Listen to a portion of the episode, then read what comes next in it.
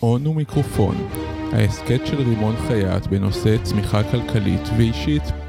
הפעם נדבר על זמן, על היכולת שלנו להשפיע עליו, להעריך אותו, לשלוט בו, ואיך כל זה משפיע בסופו של דבר על הכיס שלנו.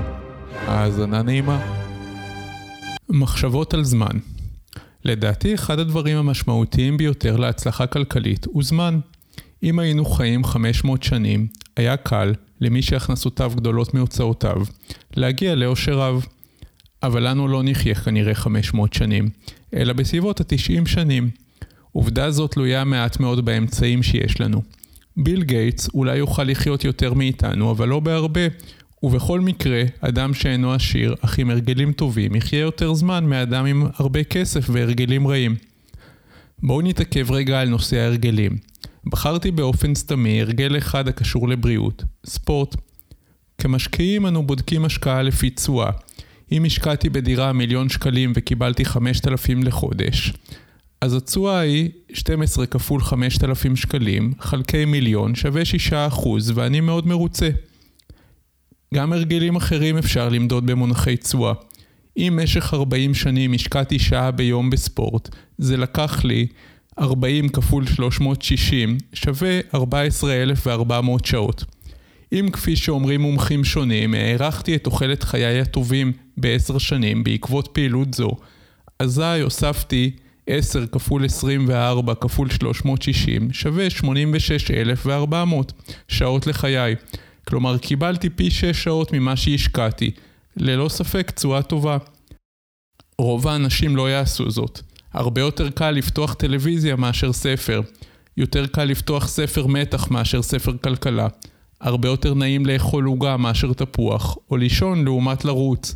אבל, כפי שמעטים מצליחים להגדיל השקעה כאשר ההכנסה עולה, במקום להגדיל צריכה, כך מעטים מצליחים לשנות הרגלים, להרגלים עם תשואה עתידית. אנו לא בנויים למחשבה על העתיד.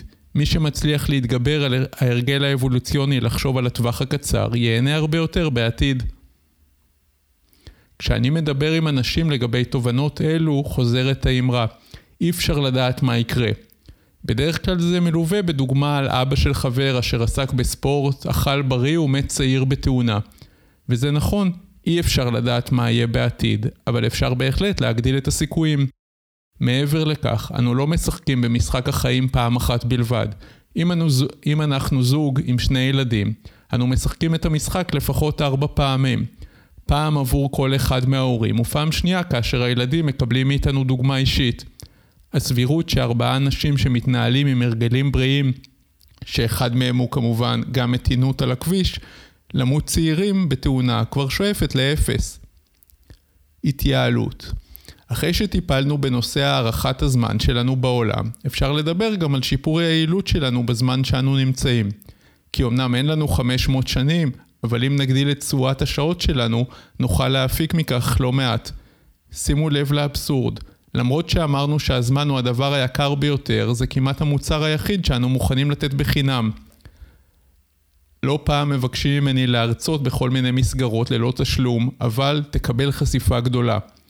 עכשיו נניח שאסכים לנסוע להרצאה ללא תשלום בשדה בוקר, נשבע שהוצע לי, תמורת חשיפה.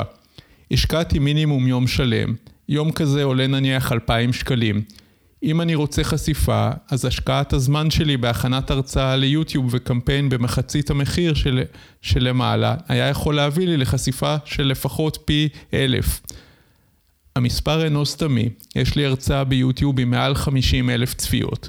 כלומר, אם כבר הלכתם להרצאה בחינם במקום כלשהו, אז ודאו שזה מקום שיצטלם טוב בווידאו והביאו עמכם צלם מקצועי.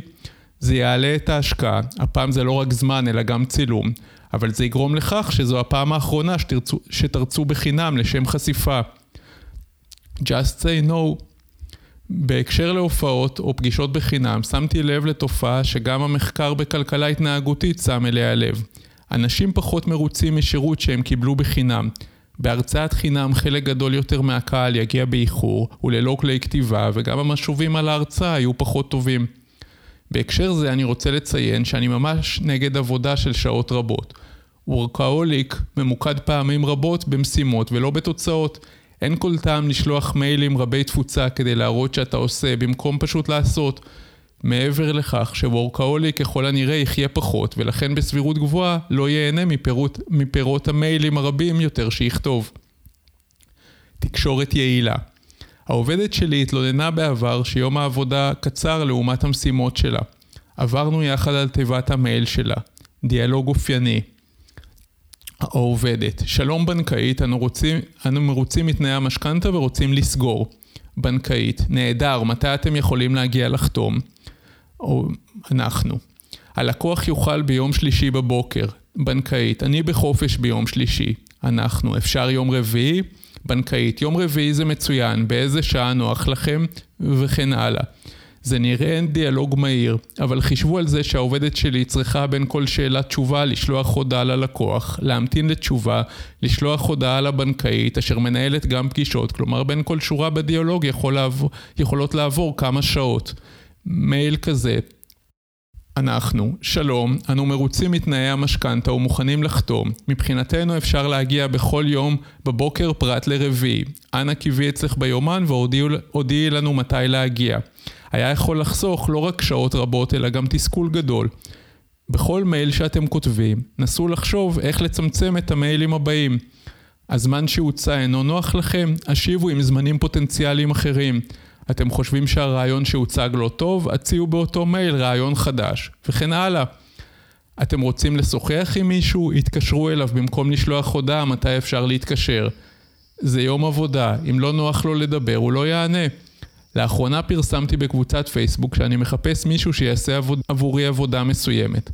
שמתי מספר טלפון בהודעה. מי שקיבלה את העבודה הייתה זו שהתקשרה ולא אלו ששלחו הודעות אפשר להתקשר, הרי שמתי טלפון.